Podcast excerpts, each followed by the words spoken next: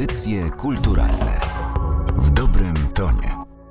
W audycjach kulturalnych gościmy dziś panią Ewę Landowską, twórczynię Muzeum Kaligrafii i Historii Pisma. Ja nazywam się Martyna Matwiejuk. Witam serdecznie. Dzień dobry. W styczniu obchodzimy Dzień Pisma Ręcznego i to popchnęło mnie do postawienia takiego pytania, czy kaligrafia, czy też sztuka starannego pisania to są dzisiaj przeżytki?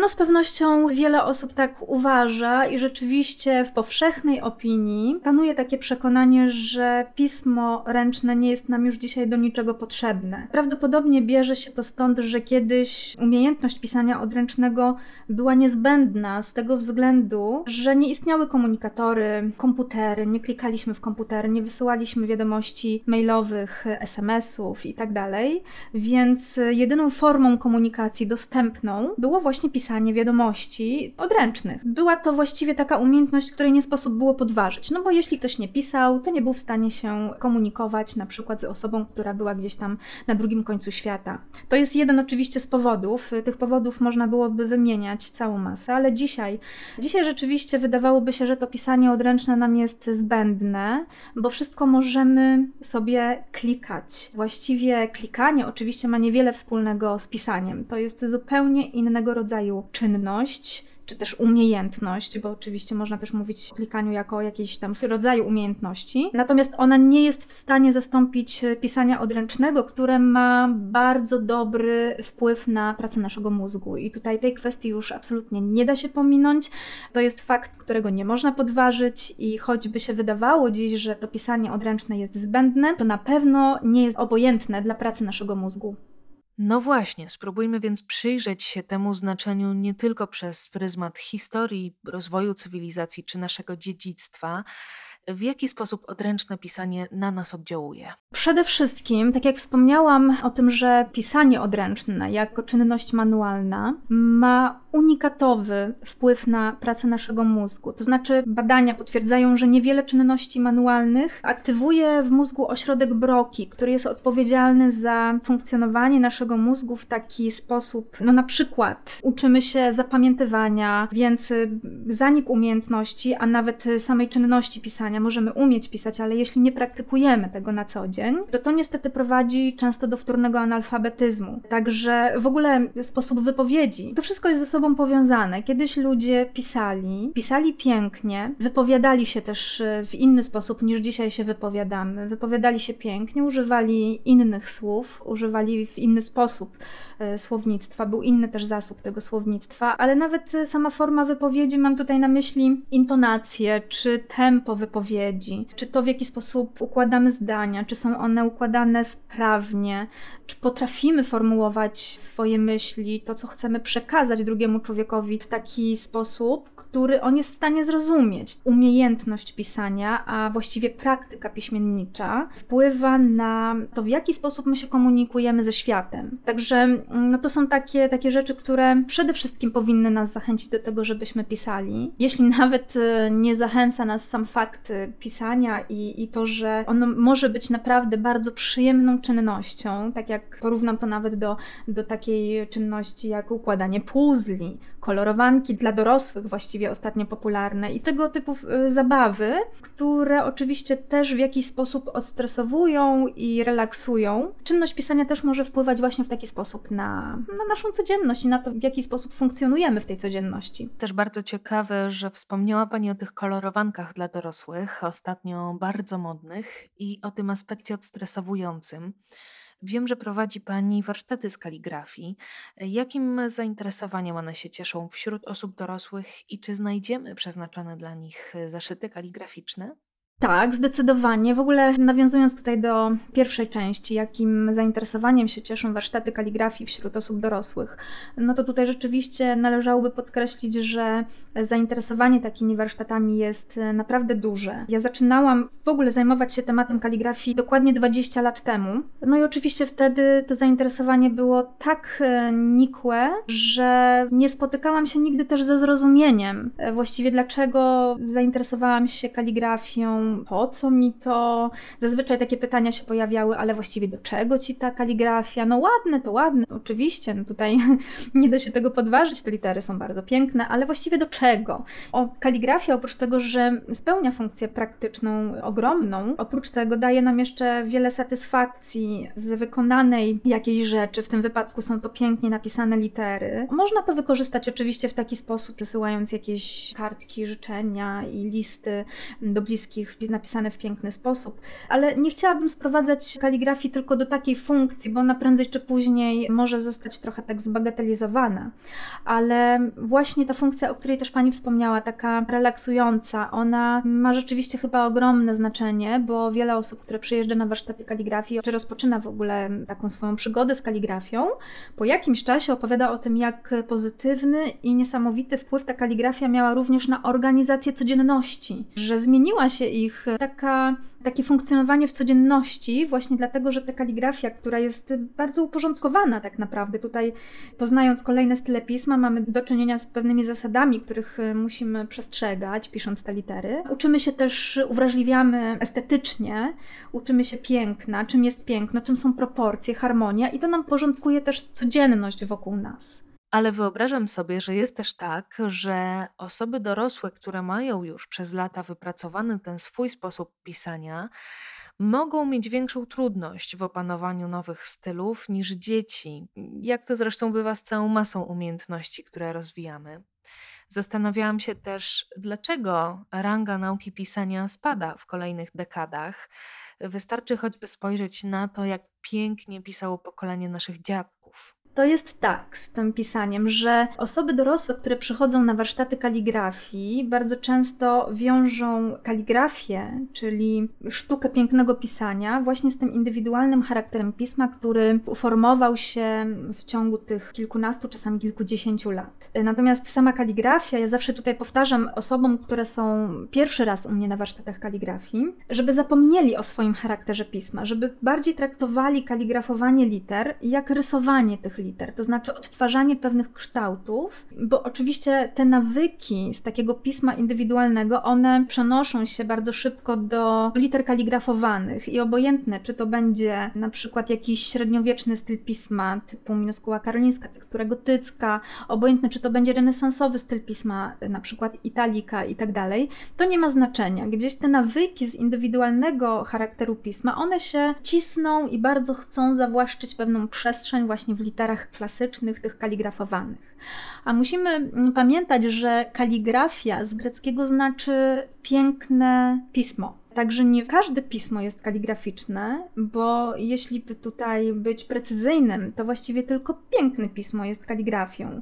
Dzisiaj często kaligrafią określa się w ogóle pisanie, e, czynność pisania, czy, czy litery. Możemy spotkać na przykład zeszyty do kaligrafii albo kaligrafia liter małych. I tutaj mówię o takich zeszytach, które kupujemy dla dzieci, które dopiero uczą się pisać. No więc ja tutaj trochę czuję taki dysonans, bo jednak uważam, że te litery raczej nie zasługują na miano kaligraficzne to znaczy pięknych, więc jest to trochę nadużycie. I ja myślę, że, że to chyba z tego wynika, że, że tak nie do końca rozumiemy, czym jest ta kaligrafia i w jaki sposób do niej podejść. A do tego trzeba podejść trochę jak z odtwarzaniem, na przykład mamy kółko, mamy trójkąt, więc mamy narysować kółko i trójkąt, niezależnie od tego, w jaki sposób piszemy litery, swoje własne mam na myśli tutaj z własnego indywidualnego charakteru pisma. Musimy odtworzyć dokładnie takie kółko i taki trójkąt. I tak samo jest właśnie z tymi literami w kaligrafii klasycznej, że jeżeli mamy literę na przykład w minuskule karolińskiej, która jest dosyć szeroka, to nie możemy jej napisać wąsko, tylko dlatego, że mój indywidualny charakter pisma jest wąski. Moja litera, którą piszę na co dzień jest wąska. Taka jest, natomiast w minuskule karolińskiej jest szeroka, więc musimy się tutaj przełamać i po prostu odtworzyć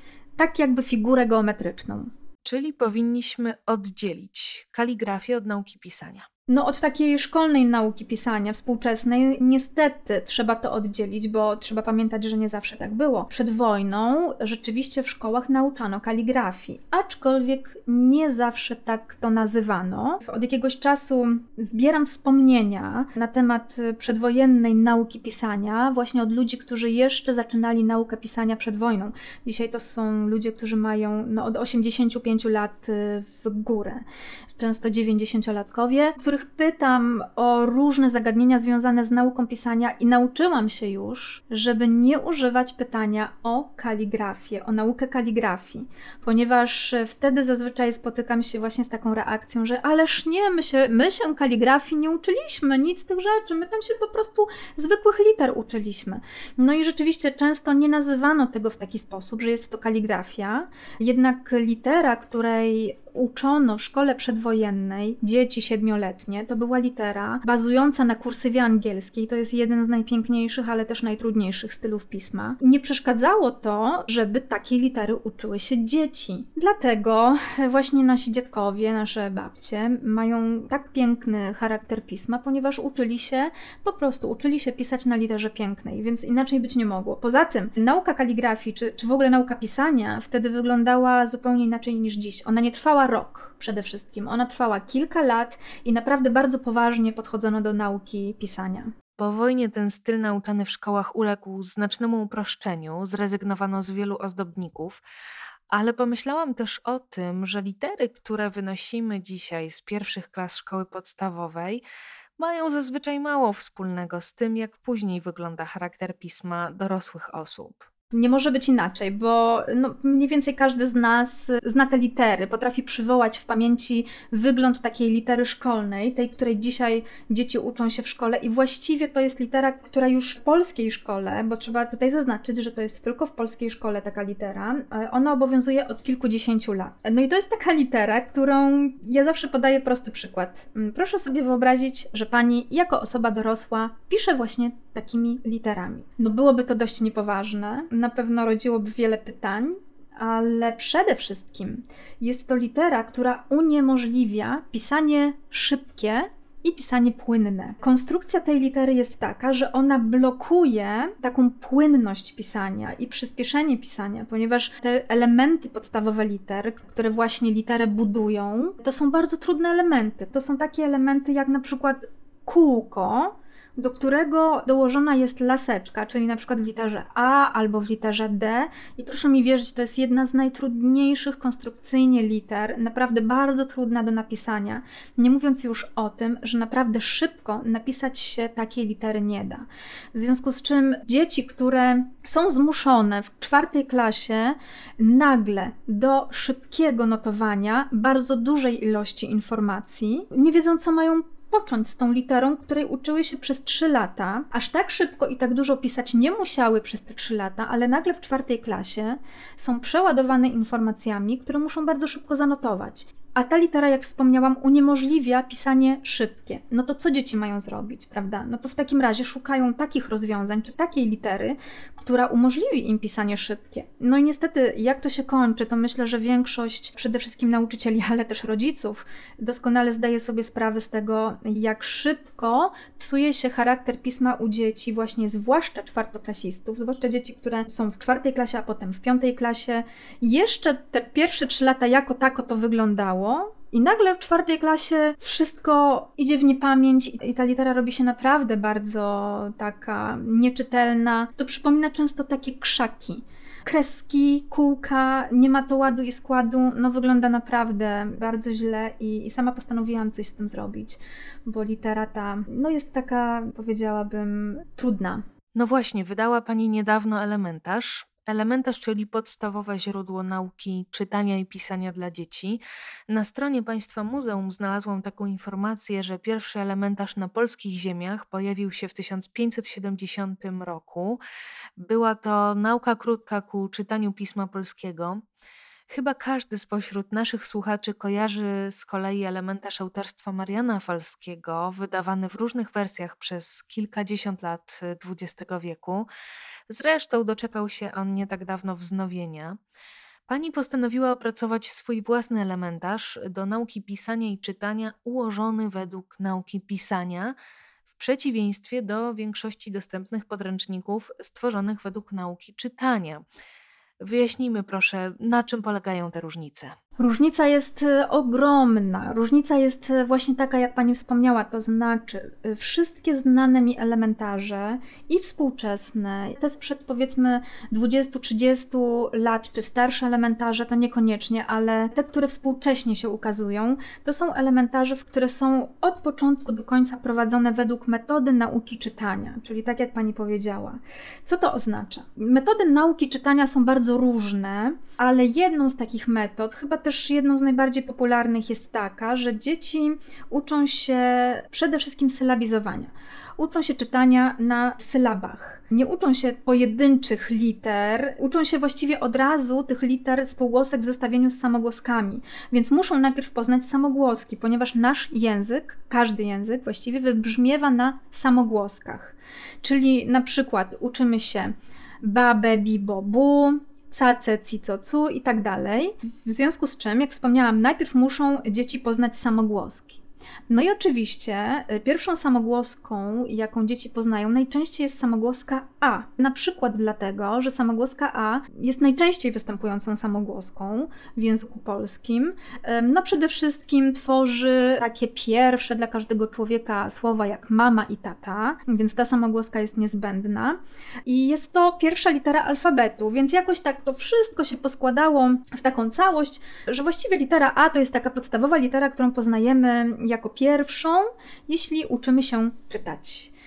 Natomiast y, dla nauki pisania jest to jedna z najtrudniejszych liter od których nie powinno się zaczynać nauki pisania. Pamiętajmy, że nauka pisania, w ogóle pisanie, jest czynnością manualną. To nie jest taka czynność jak nauka czytania, to jest czynność manualna. Ona bardziej przypomina grę na instrumencie. Więc jeśli tutaj zrobić taką analogię do gry na instrumencie, czy nauki gry na instrumencie, dzieci uczą się od takich pojedynczych nut, na przykład na skrzypcach, prawda? Najpierw dzieci uczą się w ogóle wydobywać ten dźwięk, potem grają pojedyncze nuty i dopiero później te pojedyncze dźwięki, pojedyncze nuty składają się na jakąś całość. I dokładnie tak samo powinno być podczas nauki pisania, czyli musimy poznać element litery, później złożyć z tych elementów konkretną literę, a potem dopiero wyrazy, zdania i tak. Najprostszą literą właściwie w każdym stylu pisma, podstawową i najprostszą jest litera I. Ja na przykład, jak prowadzę warsztaty kaligrafii, obojętne z jakiego stylu pisma, naukę pisania zaczynamy od, od, elementów liter, a potem od litery I. Potem najczęściej w naturalny sposób jest to litera U, ponieważ to są y, bardzo często tak jakby połączone dwie literki i. Potem jest to często litera W, bo wystarczy dodać haczyk i mamy już od litery U przechodzimy do litery W i tak dalej. I tak właśnie powinna wyglądać nauka pisania. Nie da się pogodzić w jednej książce nauki pisania i nauki czytania. Dlatego ja postanowiłam zrobić taki elementarz, który będzie prowadzony według metody nauki pisania. To, w jaki sposób skonstruowany jest ten elementarz, mogą Państwo zobaczyć na poświęconej mu stronie internetowej. Zawarte w nim wiersze, których bohaterami są zwierzęta, rozwijają przy okazji umiejętność czytania na nieco bardziej zaawansowanym poziomie. To jeśli chodzi o najmłodszych odbiorców. Dla starszych polecam z kolei jeden z numerów kwartalnika Kultura Współczesna, wydawanego przez Narodowe Centrum Kultury. Wydanie opublikowane pod tytułem Uroki analogu i w nim m.in. tekst Moniki Górskiej-Olesińskiej, nostalgię zapiszącą dłonią, pismo odręczne w analogowo-cyfrowym kontinuum. Tam przeczytają Państwo więcej na temat istoty pisma ręcznego w dzisiejszej rzeczywistości. Pojawia się m.in. zagadnienie indywidualnego charakteru pisma i cyfrowych czcionek osobistych, spośród których jedną z najpopularniejszych jest Duchamp Font, y, wzorowana na charakterze pisma Marcela Duchamp. Mm, to wydawnictwo jest w całości dostępne bezpłatnie w internecie. Link y, do pobrania kwartalnika znajdą Państwo oczywiście w opisie podcastu. 23 stycznia obchodzimy Dzień Pisma Ręcznego. Może dla kogoś będzie to inspiracja do zainteresowania się tym tematem, do czego gorąco zachęcamy. A o kaligrafii, nauce pisania i ich istocie oraz trudnościach z nimi związanych opowiadała dziś w audycjach kulturalnych Ewa Landowska, założycielka Muzeum Kaligrafii i Historii Pisma. Bardzo dziękuję. Dziękuję. Audycje kulturalne w dobrym tonie.